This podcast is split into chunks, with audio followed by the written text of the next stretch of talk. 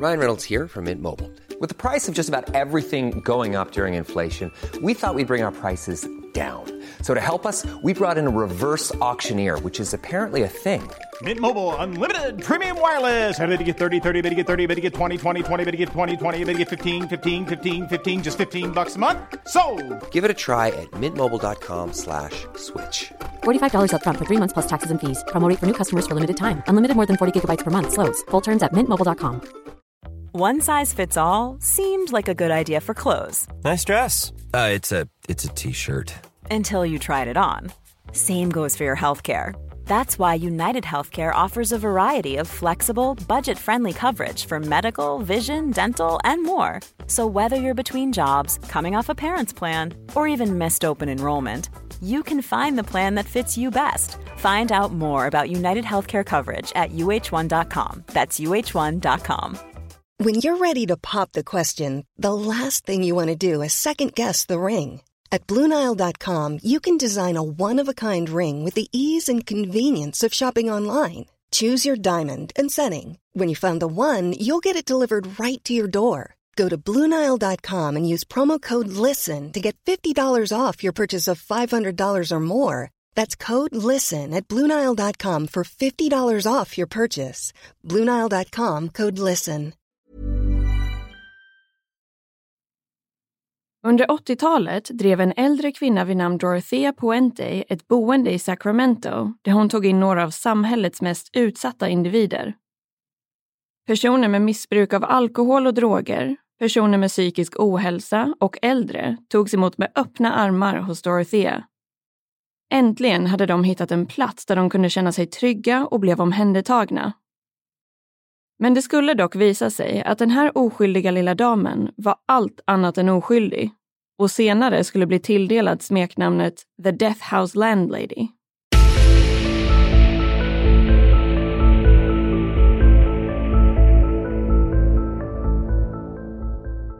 Hej och varmt välkomna ska ni vara till ännu ett avsnitt av Rysapodden.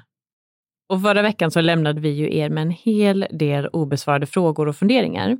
Så vi tänkte därför att något lite mer konkret kändes passande för det här avsnittet. Så den här veckan har det blivit dags för oss att prata om en kvinnlig seriemördare. Närmare bestämt Dorothea Puente. Ja, och det här fallet påminner ju faktiskt en hel del om ett annat fall som vi pratade om i avsnitt nummer 24. Nämligen fallet kring läkaren och seriemördaren Harold Shipman. För i båda de här fallen så handlar det om en person som under en längre period byggt upp en stark tillit och respekt hos människor i sin omgivning. Allt detta för att senare kunna använda den här tilliten för att kunna utnyttja och skada högst utsatta och sårbara individer. Ja, och både Dorothea och Harold har ju gemensamt att de verkligen strävade efter att framställa sig själva som en otroligt viktig del i samhället. Och som en person som man alltid kunde räkna med. Och det är verkligen ondska i sin renaste form att skada människor på just det här kalkylerande och manipulativa sättet. Men som ni hörde här i introt så drev alltså Dorothea Puente ett boende i Sacramento under flera års tid. Flera av personerna som bodde hos Dorothea började sedan att försvinna. Men av olika anledningar så dröjde det väldigt lång tid innan man slutligen insåg den fruktansvärda sanningen kring vad det var som faktiskt pågick på det här boendet. Men jag tänker att vi inte behöver gå in på mer detaljer än så i nuläget, utan att vi helt enkelt tar och sätter igång med veckans ämne nu på en gång.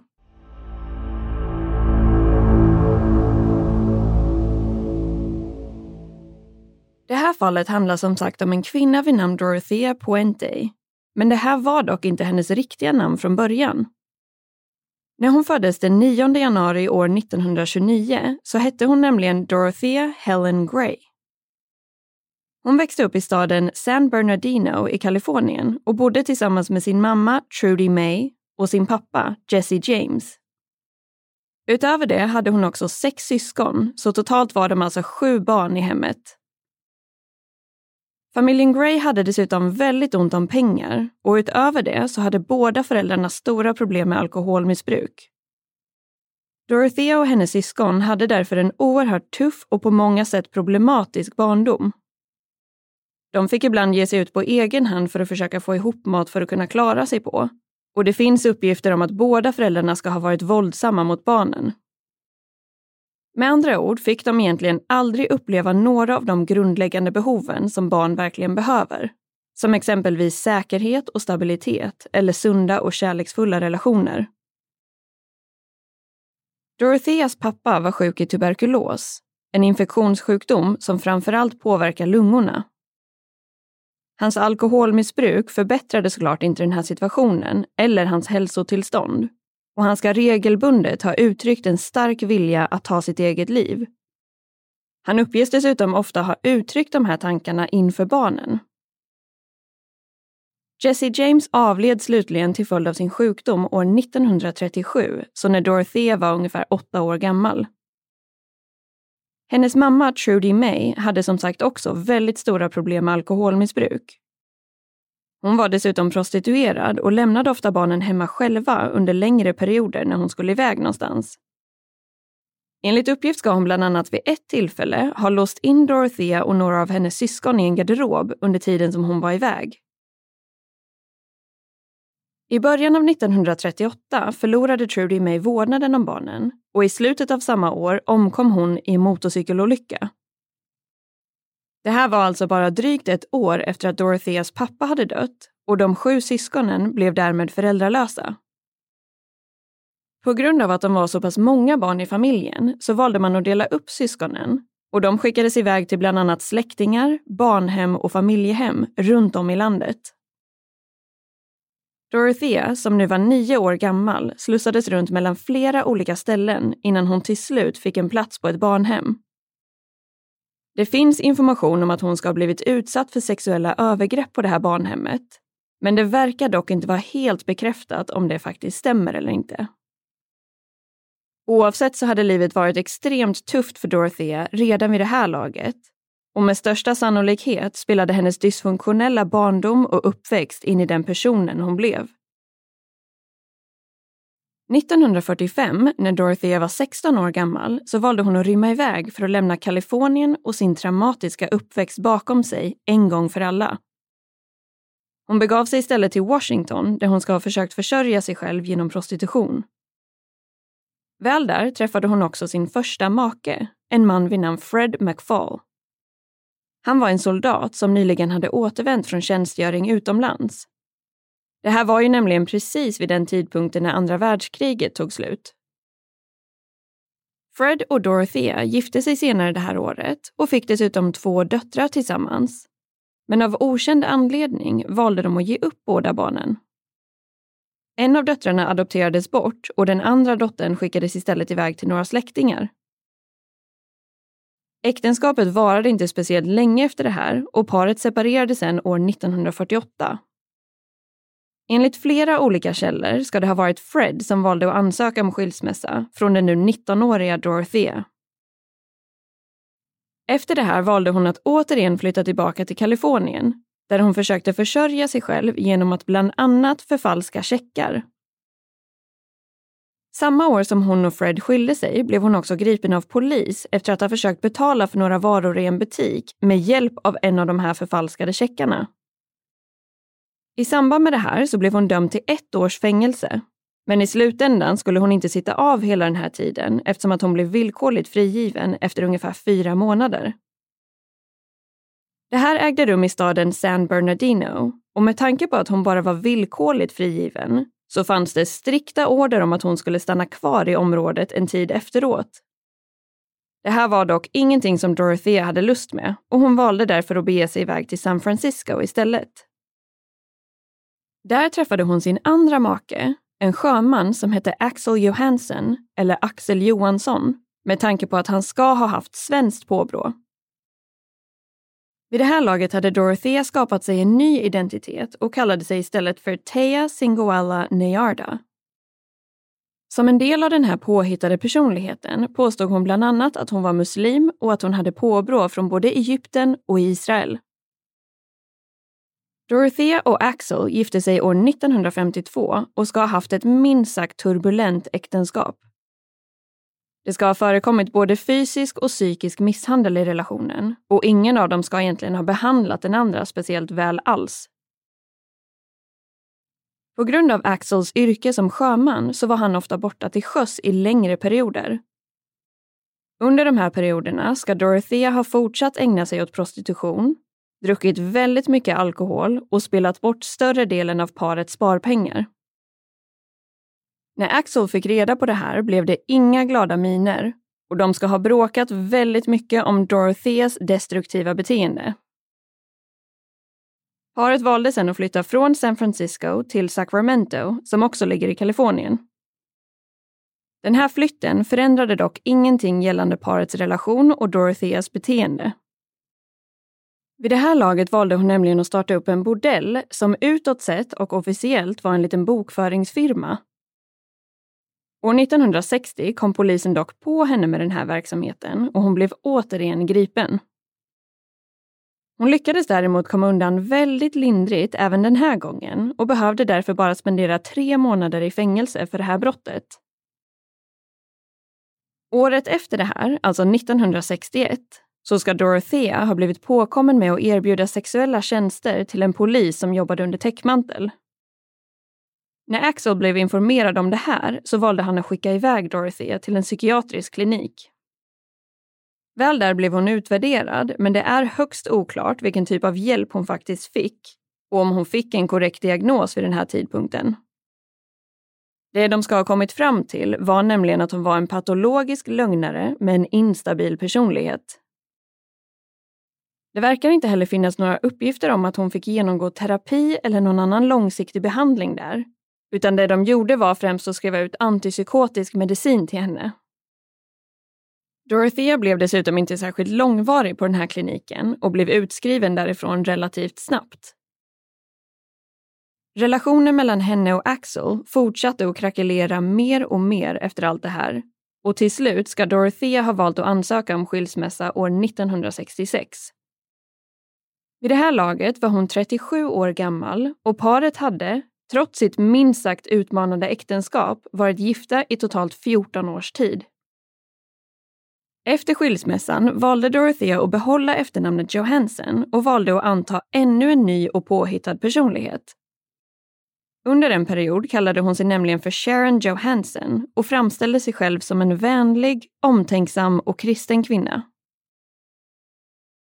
Under 1968 började Dorothea att se sig om efter nya möjligheter för att kunna försörja sig själv. Hon hade ju redan blivit gripen för sin bordellverksamhet och insåg nu att det kanske var dags för ett lite mindre riskfyllt yrke. Inom kort upptäckte hon yrket som i USA kallas för caregiver och här hemma i Sverige skulle man mer eller mindre kunna jämföra det med yrkestiteln vårdare. Som med andra ord en person som vårdar andra människor i behov av extra tillsyn eller som behöver hjälp på grund av bland annat sjukdom eller funktionsnedsättning. Antingen i det egna hemmet, på boende eller sjukhus. Den främsta anledningen till att Dorothea blev intresserad av yrket som vårdare var på grund av att det inte krävdes speciellt mycket utbildning eller erfarenhet. I alla fall inte på den här tiden och i USA. Så det här öppnade upp en helt ny värld för henne och hon insåg att det fanns en möjlighet att kunna skapa sig en karriär inom det här området. Under en period startade hon därför upp och drev ett center för personer med alkoholmissbruk som hon gav namnet The Samaritans den här verksamheten drevs i en mindre byggnad i Sacramento där hon erbjöd sina klienter boende och behandling. Här kom hon i kontakt med stadens socialarbetare för första gången i och med att de placerade vissa av sina klienter hos Dorothea. På grund av att hon inte erbjöd medicinsk vård eller terapi så behövde verksamheten inte genomgå speciellt många kontroller. Och vid de få besök som hon fick av myndigheter och socialarbetare så var de nöjda med hur boendet sköttes.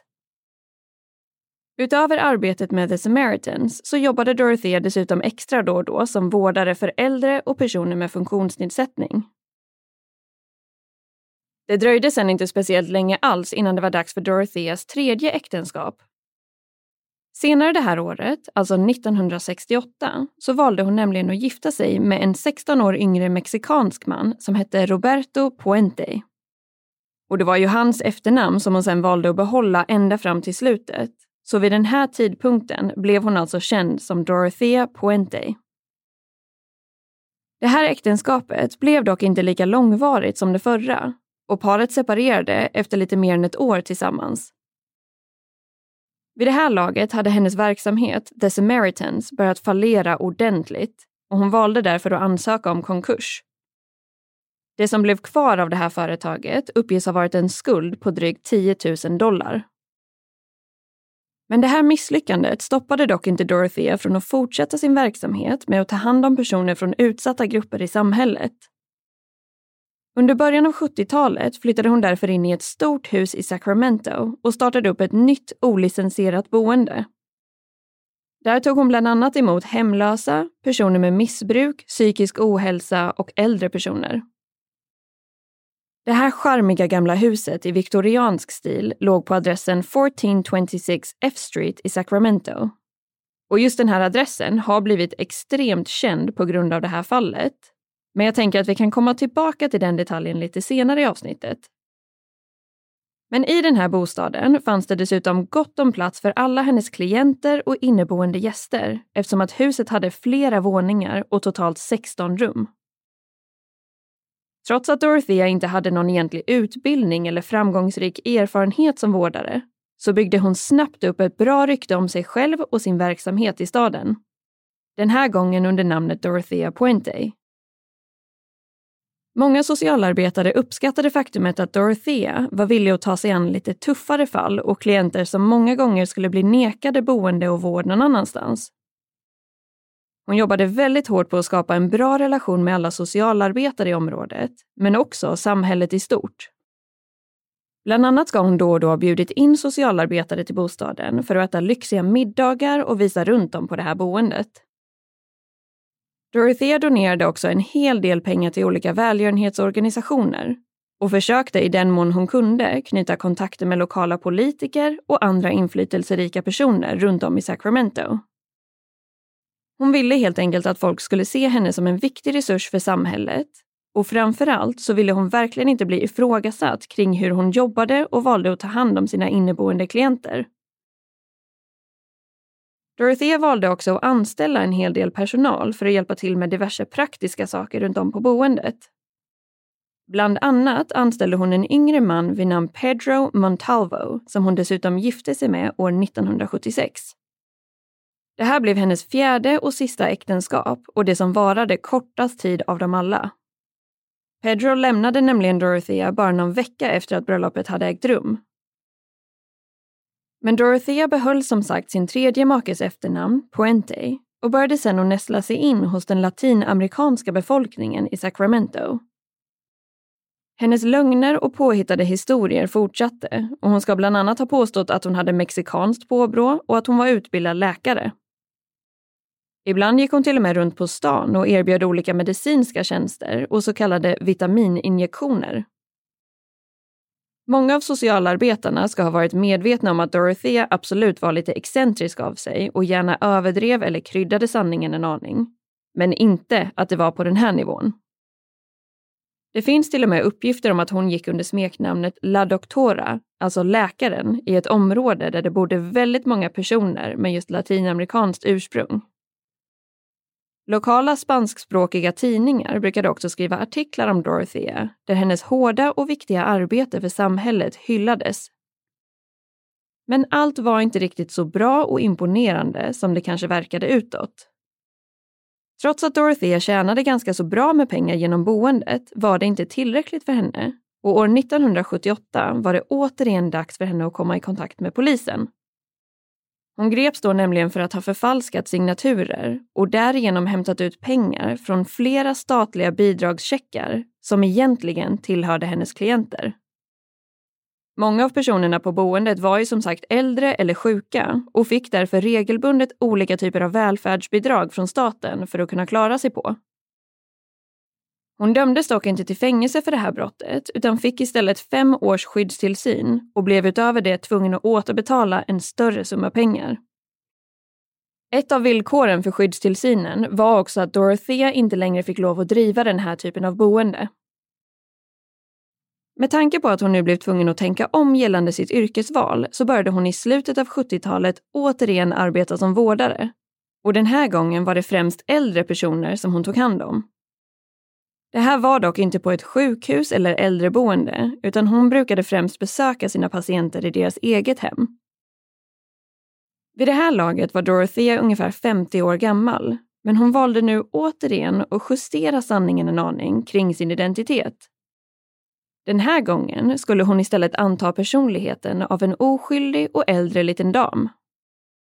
Hon la bland annat till ungefär 10-15 år på sin faktiska ålder och slutade färga håret för att framhäva sitt ljusa gråvita hår. Dorothea började dessutom bära stora runda glasögon och klä sig lite mer propert och damigt och bar ofta fina klänningar, kappor och högklackade pumps. Med hjälp av sitt nya utseende kunde hon sen i princip komma undan med vad som helst. Hon verkade helt enkelt som en rar, omtänksam och späd liten dam som inte skulle kunna göra en fluga för när. Med andra ord en ganska så perfekt yta för att ytterligare avväpna sina äldre patienter. Dorothea hade nämligen lite andra planer än att faktiskt ta hand om de här äldre personerna. I början av 80-talet drogade hon flera av sina patienter i samband med hembesöken för att därefter stjäla bland annat checkar, pengar och andra värdesaker från deras bostäder. Utöver jobbet som vårdare så bestämde hon sig också i slutet av 1981 för att starta upp en restaurangverksamhet tillsammans med en 61-årig kvinna vid namn Ruth Monroe. Under våren 1982 drabbades sen hennes man av obotlig cancer och blev därför permanent förflyttad till sjukhuset. Det här var såklart en oerhört tuff tid för Ruth, som inte alls kände för att bo kvar ensam utan sin man. Dorothea föreslog därför att Ruth kunde flytta in hos henne i bostaden på F Street för både sällskapet och ekonomins skull. Även om hon inte längre fick driva ett boende så fanns det ju inget som stoppade henne från att ha vanliga gäster och besökare. Även Ruth Monroes son, William Clausen, tyckte att det här lät som en riktigt bra idé och hjälpte till att flytta över sin mammas saker till det nya hemmet. Efter flytten så besökte William sin mamma väldigt ofta, men efter bara ett par veckor började hon märkligt nog att bli väldigt sjuk. Något som var förvånande eftersom att hon hade mått bra och varit väldigt pigg tidigare. När William besökte sin mamma Ruth i april 1982 så verkade hon generellt ganska så hängig och trött. Vid det här tillfället hade hon också ett glas med mintlikör i handen, vilket var extremt ovanligt eftersom att hon normalt aldrig brukade dricka alkohol. William ifrågasatte varför hon drack och Ruth svarade då att Dorothea hade varit snäll och fixat drinken till henne för att det skulle hjälpa henne att slappna av. William tyckte såklart att det här var lite konstigt, men han reagerade inte speciellt starkt på det eftersom att Dorothea hade förklarat att hon var utbildad sjuksköterska. Han utgick därför ifrån att Ruth ändå var i trygga händer hemma hos sin väninna. När han besökte sin mamma igen vid ett senare tillfälle ska hennes hälsa däremot ha försämrats ännu mer. Hon låg då i sängen och var mer eller mindre okontaktbar William blev givetvis väldigt orolig för sin mamma, men försäkrade henne om att allt var okej okay och att Dorothea hade lovat att ta hand om henne. Dagen efter det här tog William emot ett telefonsamtal om att Ruth hade dött. När han väl kom fram till bostaden hade hans mammas kropp redan blivit upphämtad av vårdpersonal.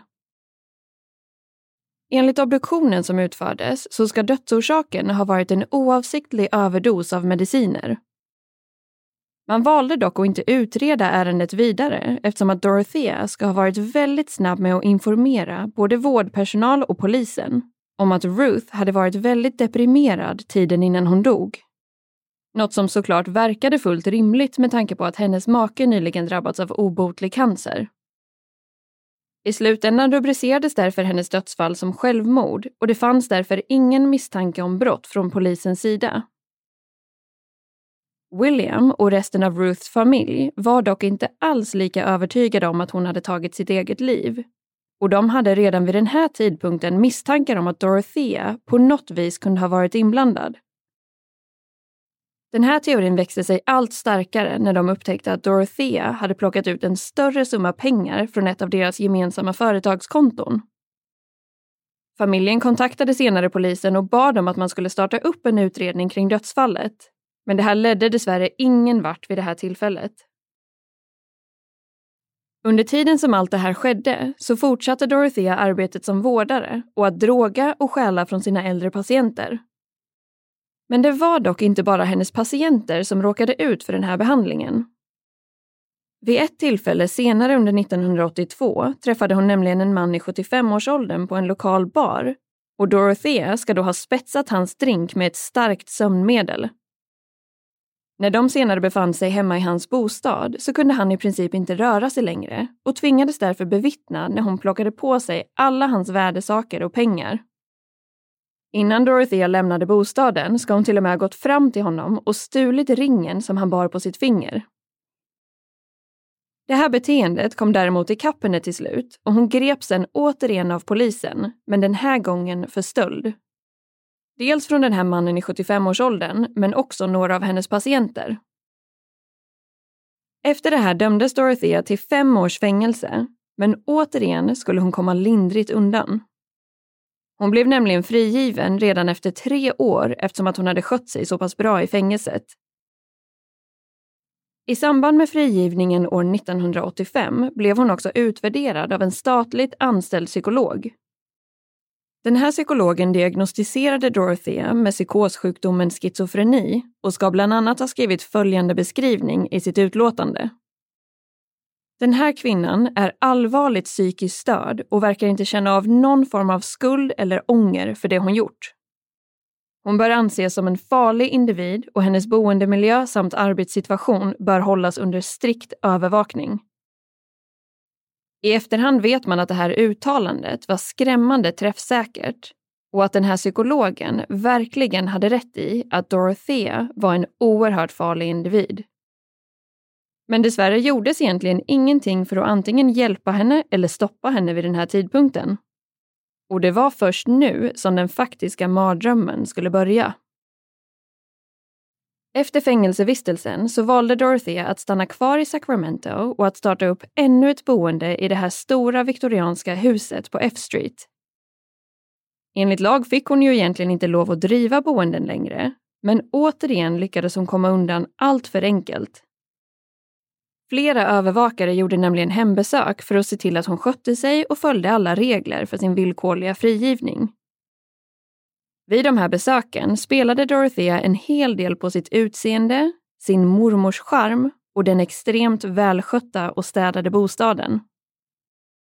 Hon förklarade för sina övervakare att personer som råkade befinna sig i huset när de kom dit bara var vänner eller släktingar som var på besök eller behövde någonstans att bo. Och det här var något som de också trodde på och det fanns därför aldrig några misstankar om att Dorothea nu hade startat upp ännu ett olicensierat boende. Hennes främsta klientel på det nya boendet var precis som tidigare hemlösa personer, personer med missbruk, psykisk ohälsa och äldre personer. Det vill säga utsatta och sårbara människor som oftast inte hade ett speciellt stort nätverk av familj och vänner runt omkring sig. Under de tre åren som Dorothea spenderade i fängelset började hon ha brevkontakt med en 77-årig man från Oregon som hette Everson Gilmuth. Den här relationen fortsatte sedan att utvecklas och när Dorothea blev frigiven så begav han sig raka vägen till fängelset i sin röda pickupbil för att hämta upp henne. Han flyttade sedan in hos henne och de började planera för sitt kommande bröllop och sin framtid tillsammans. Kort efter det här, i november 1985, så anställde Dorothea en man vid namn Ismael Flores för att hjälpa henne med att sätta in träpaneler i hennes bostad.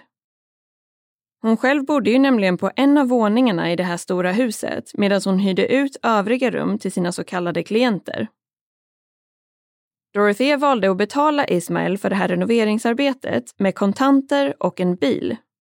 Närmare bestämt en röd pickupbil hon förklarade att det var hennes pojkväns bil och att han ändå inte skulle ha någon användning för den längre. Efter att de här träpanelerna hade installerats så bad Dorothea Ismael om en annan tjänst. Hon frågade då om han kunde bygga en stor trälåda åt henne. Helst skulle den vara runt 180 cm lång, 90 cm bred och 60 cm hög. I samband med den här förfrågan ska Dorothea ha förklarat att hon planerade att förvara gamla böcker och lite annat skräp i trälådan. Ismail tyckte att det lät fullt rimligt och hjälpte därför till att bygga ihop lådan enligt hennes önskemål. Dorothea fyllde sedan lådan med allt sitt skräp och spikade igen den. Därefter begav de sig iväg med trälådan i bilen för att lämna in den på ett förvaringsutrymme. På vägen dit bad Dorothea om att Ismail skulle stanna till bilen vid en närliggande flodbank. Därefter sa hon att de bara kunde dumpa lådan nere vid floden eftersom det redan var fullt av skräp där ändå. Ismael ska då ha tyckt att det var lite märkligt, men antog att de bara ville bli av med skräpet på ett snabbt och smidigt sätt. Någon månad efter det här, precis i början av 1986, så fick en fiskare syn på den här trälådan nere vid floden. Han noterade då att lådan hade en form som påminde väldigt mycket om en kista och valde därför att kontakta polisen. Och när polisen väl kom till platsen så upptäckte de en förmultnad kropp inuti den här trälådan. På grund av skicket kroppen befann sig i hade de ingen möjlighet att kunna identifiera vem det var. Men det de med säkerhet kunde bekräfta var att kroppen tillhörde en äldre man. Det skulle sedan dröja drygt tre år innan man faktiskt lyckades med att identifiera den här mannen. Men som ni säkerligen redan har förstått vid det här laget så tillhörde ju den här kroppen Dorotheas så kallade pojkvän och inneboende gäst, Everson Gilmuth. Och trots att Everson nu hade försvunnit från boendet på F Street så fortsatte hans pension och statliga bidragscheckar att postas dit. Dorothea såg såklart till att ta hand om de här checkarna och plockade ut pengarna som hon sedan använde för att fortsätta driva och utveckla boendet. Enligt uppgift ska hon till och med ha skrivit brev till Eversons släktingar där hon utgav sig för att vara honom och förklarade att de inte hade hört från honom på ett tag eftersom att han var väldigt sjuk.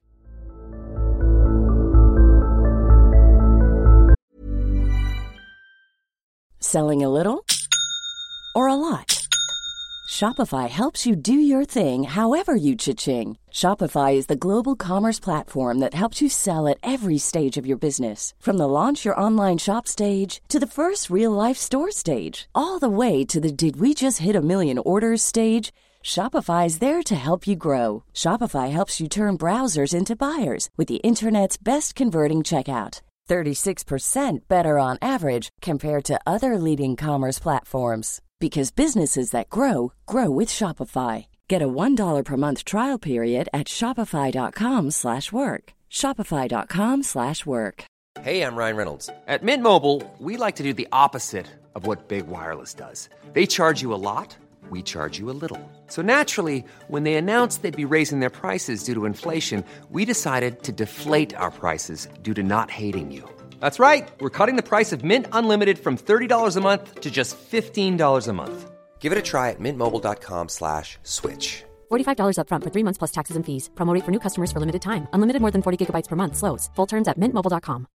If you're looking for plump lips that last, you need to know about Juvederm lip fillers. With Juvederm Volbella XC and Juvederm Ultra XC, your lip look, whether it's subtle or bold, can last up to one full year with optimal treatment and no additional maintenance. Find a licensed specialist and see if it's right for you at juvederm.com today. That's J U V E D E R M.com. Add fullness to lips in adults over 21 with Juvederm Volbella XC or Juvederm Ultra XC. Do not use if you have severe allergies or a history of severe allergic reactions, or if you're allergic to lidocaine or the proteins used in Juvederm. Tell your doctor if you have a history of scarring or taking medicines that decrease the body's immune response or that can prolong bleeding. Common side effects include injection site redness, swelling, pain, tenderness, firmness, lumps, bumps, bruising, discoloration, or itching. As with all fillers, there's a rare risk of unintentional injection into a blood vessel, which can cause vision abnormalities, blindness, stroke, temporary scabs, or scarring. For full important safety information, visit juvederm.com.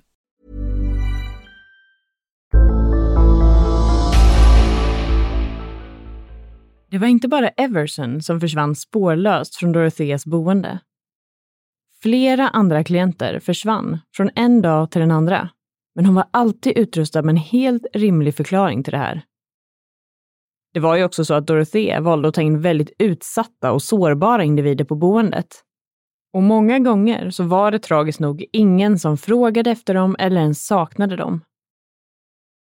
I många fall kunde hon också förklara att exempelvis en alkoholiserad och hemlös person helt enkelt bara hade valt att röra sig vidare till ett annat boende eller liknande. Så även om det började kännas misstänksamt att många av hennes klienter eller gäster verkade försvinna, så lyckades hon alltid förklara bort och rationalisera situationen. Dorothea såg till att all post som kom till boendet gick genom henne och hon brukade samla in alla klienters post innan de ens hade märkt av att den hade kommit dit. Och med tanke på att samtliga av hennes klienter gick på någon form av bidrag eller pension från staten så bestod den här posten oftast av olika typer av checkar. Dorothea betalade sedan ut en summa till varje klient och sa att hon sparade undan en viss procent för utgifter kopplat till deras vistelse på boendet. Det här stämde ju dock inte riktigt, utan de här pengarna blev istället fickpengar för Dorothea och möjliggjorde för henne att kunna leva en ganska så extravagant livsstil. Och det är väldigt oklart hur pass mycket myndigheter och socialarbetare faktiskt insåg vid den här tidpunkten. Hon hade ju nämligen blivit förbjuden att driva boenden, arbeta med äldre personer och att hantera statliga checkar. Och hon sysslade ju nu med alla tre av de här sakerna. Utöver det så ska övervakare som sagt ha besökt Dorothea flertalet gånger utan att ha rapporterat in att hon brutit mot några regler eller restriktioner för sin villkorliga frigivning. Men av någon anledning så lyckades hon fortsätta driva den här verksamheten i ytterligare ett par år utan att bli påkommen. Som sagt hade hon ju byggt upp en väldigt bra relation till stadens socialarbetare tidigare. Så eventuellt kanske de anade eller till och med visste att hon drev ett boende igen men lät henne göra det ändå. Hennes expertis var ju nämligen att ta emot de tuffaste fallen och klienterna. De som annars kanske inte skulle ha fått någon hjälp överhuvudtaget. Men som sagt, det är inte helt tydligt hur hon lyckades komma undan med det här. Sakta men säkert började dock misstankarna gentemot Dorotheas boende att växa sig allt starkare. Bland annat klagade hennes grannar ofta på att det luktade illa från hennes trädgård så pass illa att lukten spred sig till deras bostäder och att de kunde känna lukten från sina egna trädgårdar. När Dorothea pratade med sina grannar om det här så ska hon ha bett om ursäkt och förklarat att det här måste vara den typen av gödsel som hon använde ute i trädgården, som luktade så pass starkt. Hennes grannar började också känna sig lite misstänksamma efter att Dorothea uttalat sig om att hon hade adopterat en hemlös man som kallades Chief som hade ett alkoholmissbruk och kom från området. Hon ska ha förklarat att han jobbade för henne som allt i allo och hjälpte henne med att fixa olika saker runt om i bostaden och i trädgården. Grannar noterade bland annat att han ofta bar runt på saker i en skottkärra. Utöver det så ska han ha grävt ner i källaren och därefter täckt över området med ett lager av cement. Vid en senare tidpunkt så ska han ha fixat i garaget och täckt över ännu ett område med cement. Det dröjde sedan inte speciellt länge alls innan Chief själv försvann. Det var sedan under hösten år 1988 som sanningen kring Dorotheas boende sakta men säkert skulle börja nystas upp. Vid den här tidpunkten tog hon nämligen in ännu en ny klient i boendet det här var en 52-årig man som egentligen hette Alvaro Montoya, men som oftast gick under namnet Bert Montoya. Han beskrivs som en av Dorotheas kanske mest utsatta klienter. Bert var psykiskt sjuk och hade bland annat blivit diagnostiserad med schizofreni. Hans mentala förmåga har också beskrivits vara på ungefär samma nivå som ett barns. Utöver det så var han hemlös och hade inte haft ett stadigt eller permanent boende på flera år.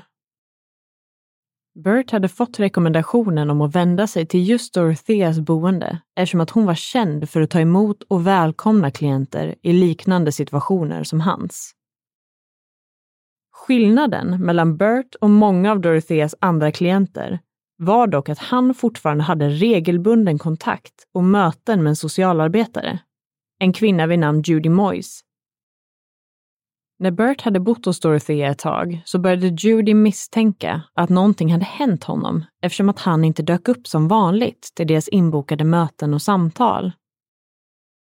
Med tanke på att hon visste vilket boende han bodde på så valde hon till en början att kontakta Dorothea själv ett par gånger för att höra efter om hon visste var han befann sig.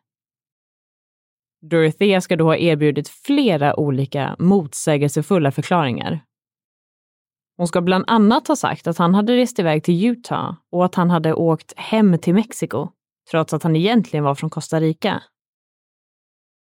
Till slut blev Judy så pass orolig att hon valde att anmäla Bert som försvunnen hos polisen. Hon hade en dålig känsla kring Dorothea och trodde inte för en sekund på att Bert skulle ha valt att åka iväg på semester helt plötsligt utan att informera henne. Hon bad polismannen att besöka Dorothea och insisterade på att han skulle kolla upp hennes verksamhet och fråga vad hon visste om Berts försvinnande. När den här polismannen väl anlände till Dorotheas bostad så möttes han av en propert klädd äldre dam med stora runda glasögon och vitt hår.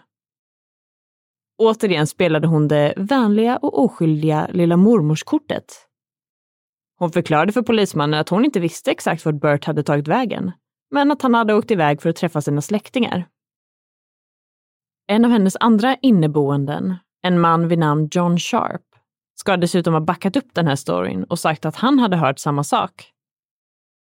Polisen kände sig därmed relativt trygg kring att de talade sanning och att Bert faktiskt hade valt att åka iväg på semester för att träffa släktingar.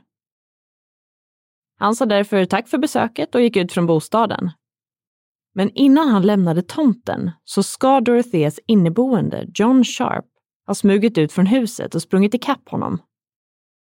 John lämnade därefter lite diskret över en handskriven lapp till polisen där han bad dem att mötas upp på en annan plats. På den här lappen så stod det också “Hon har bett mig att ljuga för dig”. Den här polismannen mötte sedan upp John Sharp vid den bestämda tiden och platsen. Och där fick han höra både det ena och det andra om Dorothea. Dels att hon hade bett John bekräfta att Bert hade rest iväg till sina släktingar, även att han inte alls var säker på det. Men han delade också med sig av andra saker som han tyckte var oroande. Bland annat att han hade hört märkliga ljud i bostaden på natten Nästan som om någonting tungt hade släpats ner för alla trapporna i huset. Även John bekräftade att det ibland luktade väldigt konstigt från vissa delar av huset. Han uttryckte också att han hade noterat flera märkliga gropar och hål runt om i trädgården och att han misstänkte att något eller någon kanske hade begravts där. Den här polismannen valde då att eskalera det här ärendet genom att kontakta sin kollega mordutredaren John Cabrera. När han tog över utredningen så började han med att kolla upp Dorotheas bakgrund och brottsregister. Han insåg då att den här kvinnan inte bara hade ljugit om sin faktiska ålder. Utöver det så hade hon ju också åkt fast tidigare för att ha bland annat stulit pengar, förfalskat checkar och för att ha drogat sina patienter. Vid det här laget så insåg han att hon kanske hade någon inblandning i Berts försvinnande ändå. John bokade in ett möte med Berts socialarbetare Judy där han uppdaterade henne om utredningen. Hon i sin tur delgav honom alla sina misstankar om Dorothea och sa att de borde besöka bostaden igen och att den här gången kanske det vore en bra idé att ta med sig en spade eller två. Sagt och gjort Fredagen den 11 november 1988 så begav sig John, en annan mordutredare samt Dorotheas övervakare till bostaden på F Street. De förklarade varför de var där och frågade om de fick lov att söka igenom huset, även om de inte hade någon husrannsakan. Dorothea ska då ha sagt att det gick alldeles utmärkt och att de var välkomna in. Hon ska dessutom ha verkat väldigt lugn och samlad och inte på något vis stressad över det här besöket. John och kollegorna kollade sedan igenom huset noggrant i hopp om att finna något spår efter Bert och vad som kan ha hänt honom. De hittade ingenting som hjälpte dem att besvara den frågan. Men däremot så hittade John en hel del pillerburkar med receptbelagda mediciner. En av burkarna var tom och hade namnet Dorothy Miller på etiketten. John frågade då Dorothea vem det var och hon förklarade då att det var en släkting som hade varit på besök och troligtvis hade glömt burken där. De tre männen frågade sen om de fick lov att gräva runt lite i hennes trädgård. Och Dorothea ska till en början ha undrat varför de ville göra det. John berättade då som det var, att det fanns misstankar om att något eller någon kanske låg begravd där. Hon ska då utan vidare övertalning ha sagt att visst, det kan de få göra. Och hon lånade till och med ut en extra spade till dem att gräva med. John och kollegorna började gräva runt ute i den prydligt skötta trädgården och efter drygt 45 minuter hittade de bland annat lite tygrester. Efter det så fastnade Johns spade vid det han antog var en trädrot och han lyckades inte ta sönder den hur hårt han än tryckte med spaden.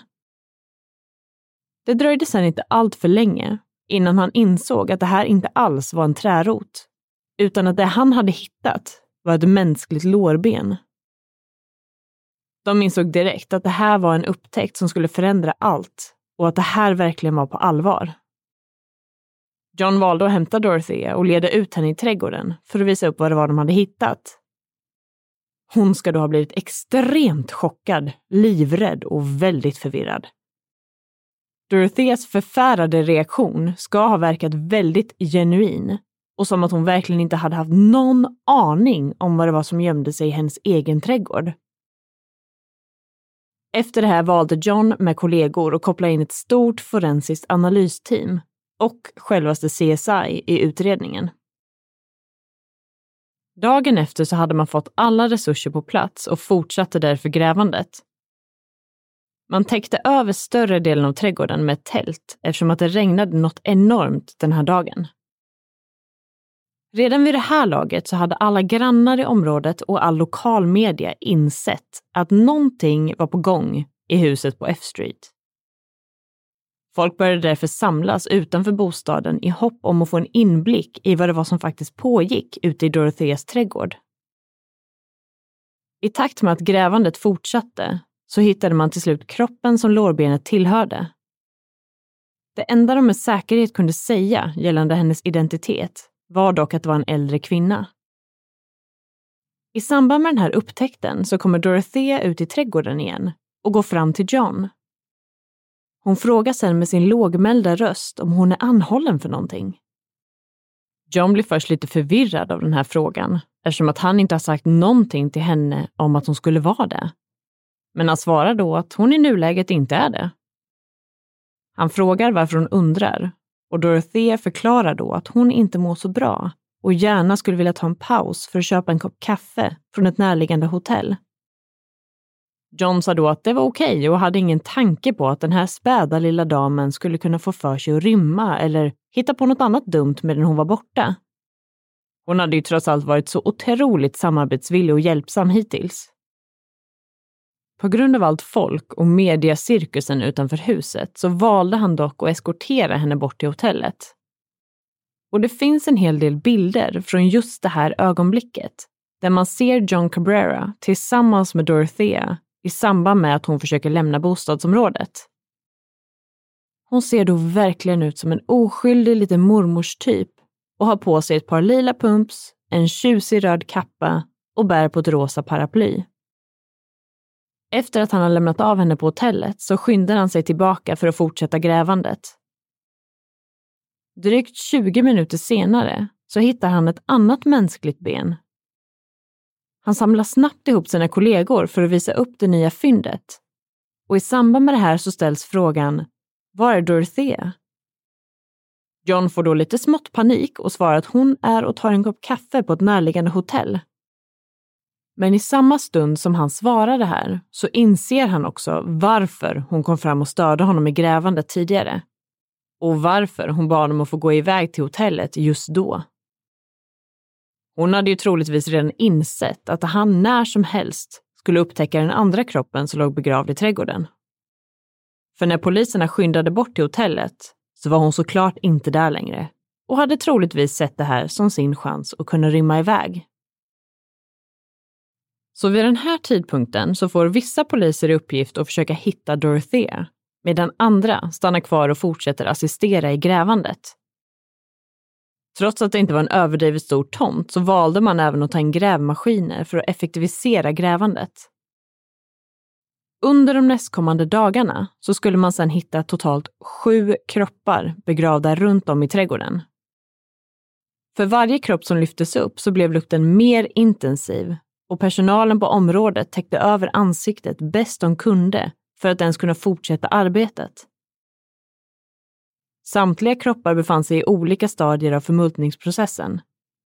Vissa verkade ha legat där en kortare stund, medan andra verkar ha legat begravda i flera år. Alla kroppar var mer eller mindre inlindade på samma sätt, i flera lager av olika material, såsom plastpåsar, filtar och överkast. Något annat som samtliga kroppar hade gemensamt var att de inte hade några tänder. Ett av offren, som hittades på framsidan av husets trädgård, saknade även sina händer och fötter. Det här, i kombination med att alla kropparna var i väldigt dåligt skick, gjorde det ju väldigt svårt att kunna identifiera de sju offren. För som standard så brukar man ju alltid använda tandavtryck eller fingeravtryck. Så det här skulle helt klart bli en utmaning. Till slut så lyckades man i alla fall få tag i en lista med alla personer som hade bott hos Dorothea under de senaste åren. Ett av namnen som direkt stack ut på den här listan var Dorothy Miller. Det vill säga samma namn som John hade noterat på etiketten till den tomma pillerburken som han hade hittat. Ju mer polisen sökte igenom huset, desto mer bevismaterial hittade de. Bland annat hittade de flera falska ID-kort och en bok som handlade om olika typer av läkemedel och dess effekter. Polisen upptäckte också ett rum som verkade ha varit det så kallade mördarrummet och platsen där Dorothea hade förvarat kropparna innan hon fick möjlighet att begrava dem ute i trädgården. Det här rummet hade nämligen en väldigt speciell lukt som var betydligt mer påtaglig där än i resten av bostaden. Det visade sig nämligen att heltäckningsmattan i det här rummet var full av olika kroppsvätskor och blod som hade orsakat den här fruktansvärda lukten. I arbetet med att försöka identifiera offren så kollade polisen också upp vilka personer som hade fått statliga bidragscheckar skickade till sig på Dorotheas adress. Det visade sig då att flera personer fortfarande hade checkar som kom till boendet på F Street, även att de inte längre bodde där. Det här bevisade ju tesen att Dorothea till stor del valde ut offer som ingen egentligen saknade efter att de försvann och därmed kunde fortsätta plocka ut och leva på deras bidrag varje månad. Flera dagar efter att den första kroppen hittades var Dorothea fortfarande spårlöst försvunnen. Och storyn om att totalt sju kroppar hade upptäckts var huvudrubriken för både lokal och internationell media. Journalister, fotografer och boende i området fortsatte att flockas runt huset i takt med att utredningen fortsatte. Men den 16 november får polisen plötsligt ett samtal från en äldre man som hade träffat Dorothea i en bar i Los Angeles. De ska då ha pratat om lite allt möjligt, men bland annat om faktumet att han fick bidrag från staten varje månad. Han ska därefter ha sett en bild på Dorothea på nyheterna och insett att det måste ha varit henne som han hade pratat med. Lyckligtvis kom han ihåg vilket hotell hon hade sagt att hon bodde på och larmade polisen direkt. Kort efter det här var polisen på plats och lyckades till slut gripa Dorothea. Hon ska till en början ha försökt använda ett annat namn, men det dröjde sedan inte speciellt länge innan hon insåg att det var kört och gav upp. I samband med gripandet så ska hon dock ha sagt att hon följer med, men att hon egentligen var oskyldig. Det här var däremot någonting som åklagaren i det här fallet, John O'Mara, inte höll med om. Dorothea åtalades nämligen för totalt nio mord efter gripandet. Trots att det fanns en hel del utmaningar i arbetet så lyckades man till slut identifiera samtliga sju offer som hade hittats nedgrävda i trädgården. Den första kroppen som hittades, en äldre kvinna, visade sig senare vara en 78-årig änka vid namn Leona Carpenter. En annan av kropparna visade sig tillhöra 64-åriga Dorothy Miller samma namn som mordutredaren John Cabrera hittade på den tomma pillerburken i bostaden. Utöver det kunde man också bekräfta att en av kropparna tillhörde 52-åriga Bert Montoya, vars försvinnande gjorde att polisen började utreda Dorothea och slutligen hittade alla kropparna i trädgården. De fyra andra kropparna som hittades i trädgården tillhörde 62-åriga James Gallup, 55-åriga Benjamin Fink, 64-åriga Vera Faye Martin samt 78-åriga Betty Palmer. Det ska ha varit Betty Palmers kropp som hade hittats utan huvud, händer och fötter. Utöver det så finns det också misstanke om att Vera Faye Martin eventuellt ska ha blivit levande begravd. Det ska nämligen ha funnits vissa tecken på att hon ska ha försökt att ta sig ut ur graven innan sin död. Så det här var som sagt de sju kropparna som hittades nergrävda i trädgården på F Street. Men Dorothea blev ju även åtalad för två andra mord. I samband med att nyheten om det här fallet kom ut i media så kontaktades nämligen polisen av släktingar till 77-åriga Everson Gilmuth. Det vill säga Dorotheas så kallade pojkvän som hon också planerade att gifta sig med. De förklarade då att de inte hade träffat Everson på väldigt länge, men att de hade mottagit brev från honom och därmed visste att han bodde tillsammans med en kvinna vid namn Dorothea Puente. Det dröjde sedan inte speciellt länge innan polisen fick fram information om att man hade hittat en oidentifierad kropp i en trälåda vid floden redan år 1986.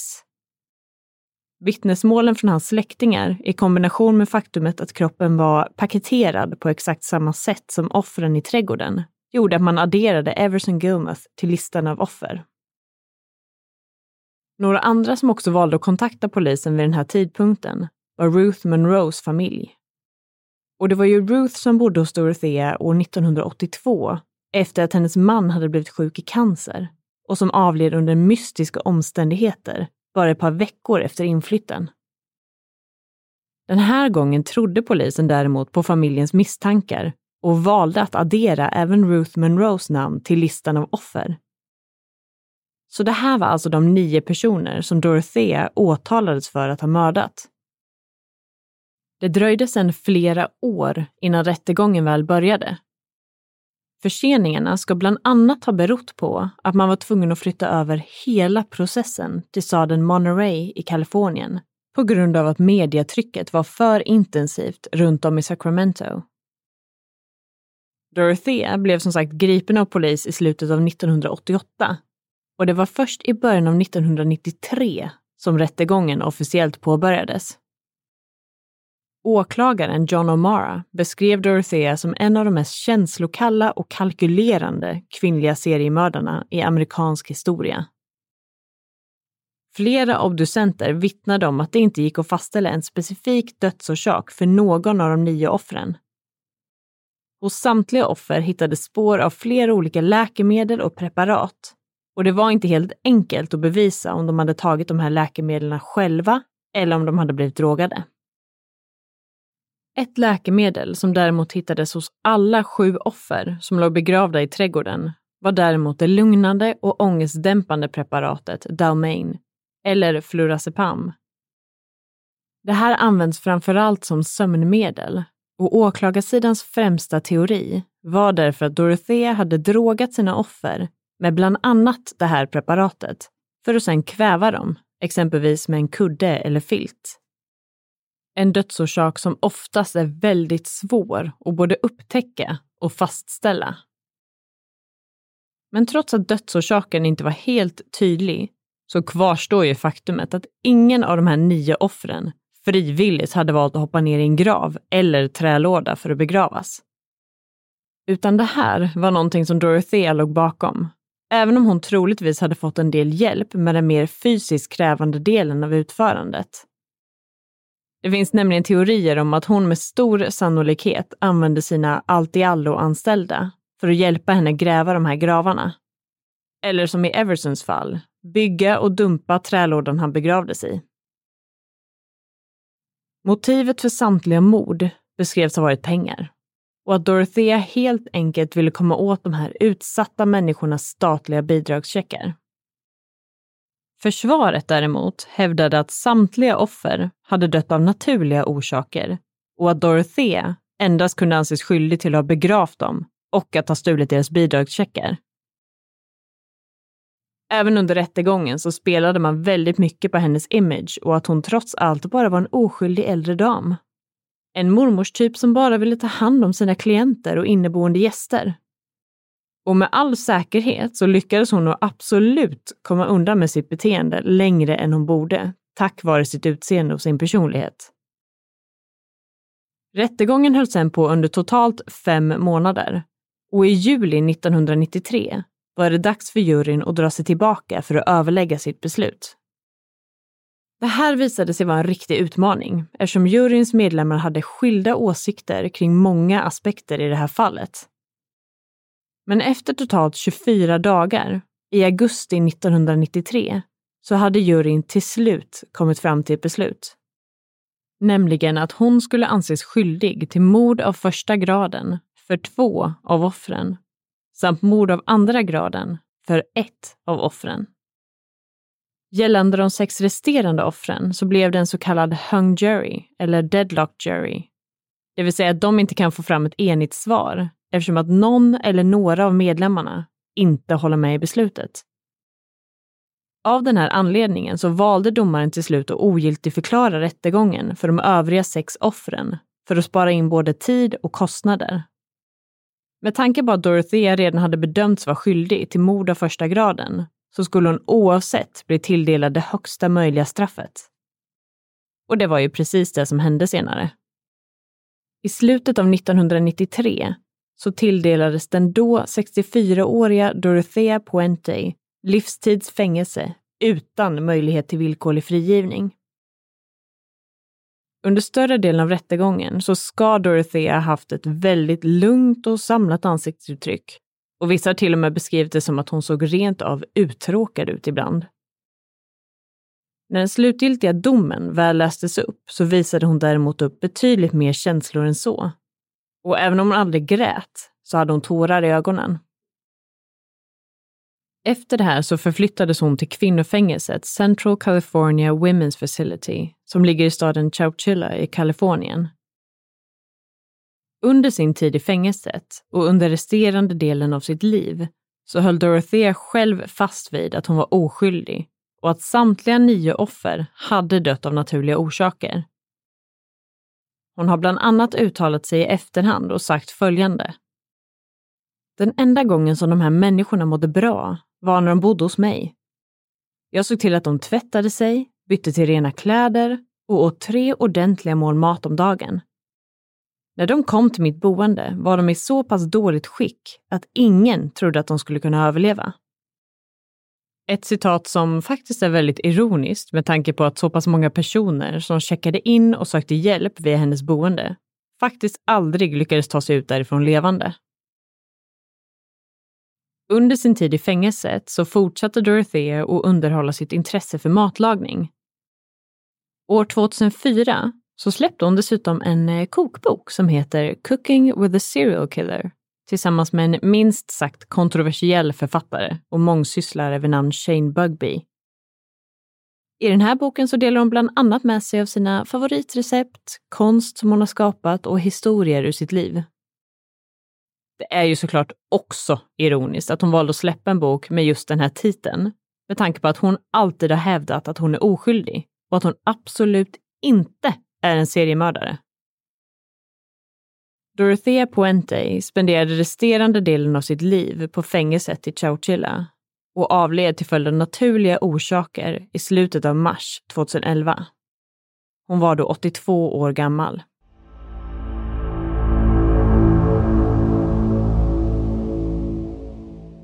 Ja, precis som i fallet kring Harold Shipman så är det ju verkligen chockerande hur sånt här kan hända. Och hur det kan pågå i så pass många år utan att myndigheter eller någon annan lyckas sätta stopp för det. Men det här är ju verkligen ett fall där man inser hur enkelt det kan vara för mer utsatta individer i samhället att falla mellan stolarna. För hon valde ju verkligen ut sina offer på ett strategiskt sätt Och framförallt de sju senare offren eftersom de inte verkade ha någon familj eller anhöriga som kunde misstänka eller ens reagera på att de var försvunna överhuvudtaget. Ja, och som du säger kan man ju definitivt ifrågasätta hur det här kunde gå till eftersom att det borde finnas en grundläggande nivå av kontroller för personer som driver den här typen av boenden. Men man får ju verkligen hoppas att saker och ting har ändrats till det bättre efter den här händelsen och att det inte ska vara möjligt att kunna manipulera och lura det amerikanska välfärdssystemet på det här sättet längre. Men dessvärre kan vi nog med säkerhet anta att det fortfarande är allt för lätt hänt för utsatta människor att falla mellan stolarna på olika sätt och vis.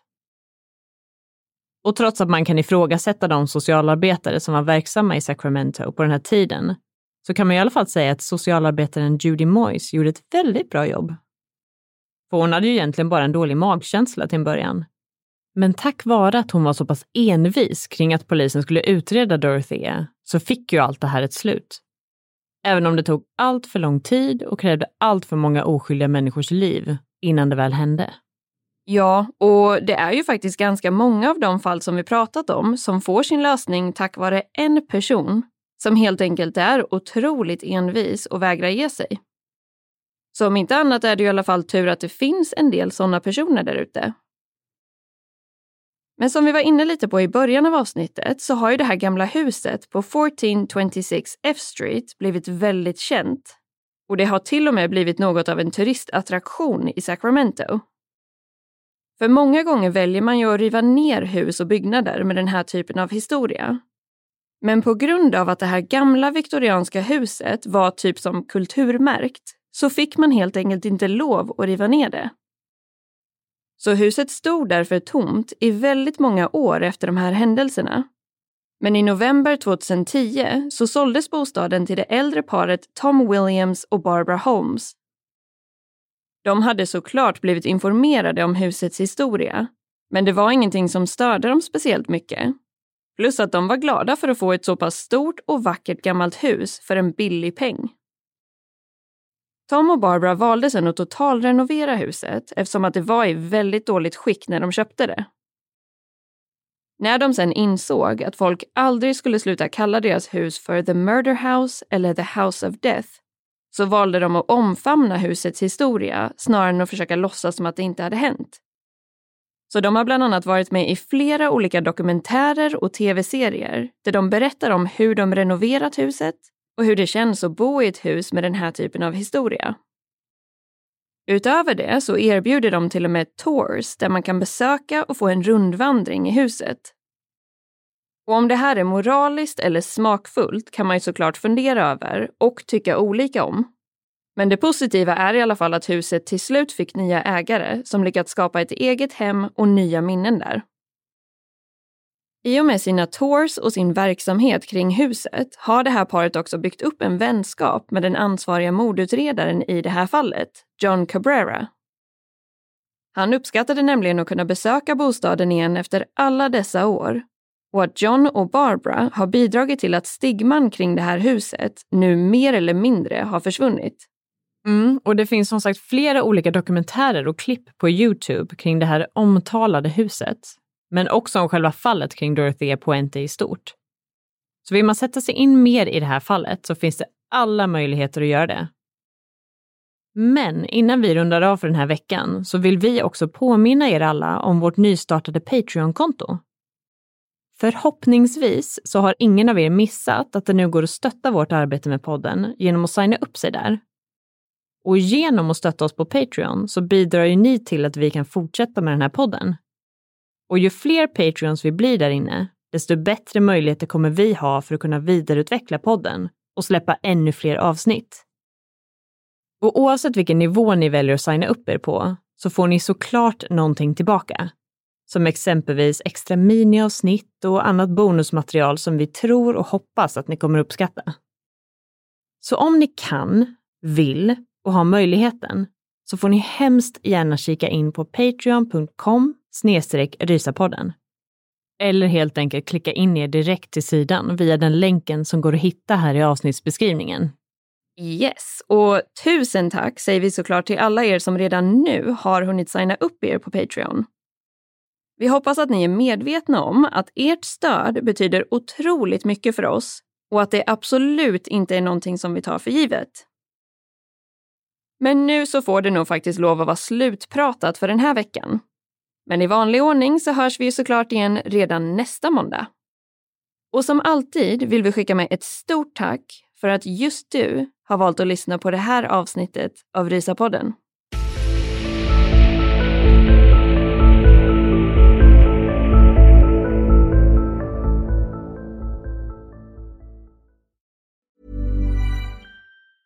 Hey, it's Danny Pellegrino from Everything Iconic. Ready to upgrade your style game without blowing your budget? Check out Quince. They've got all the good stuff shirts and polos, activewear, and fine leather goods, all at 50 to 80% less than other high end brands.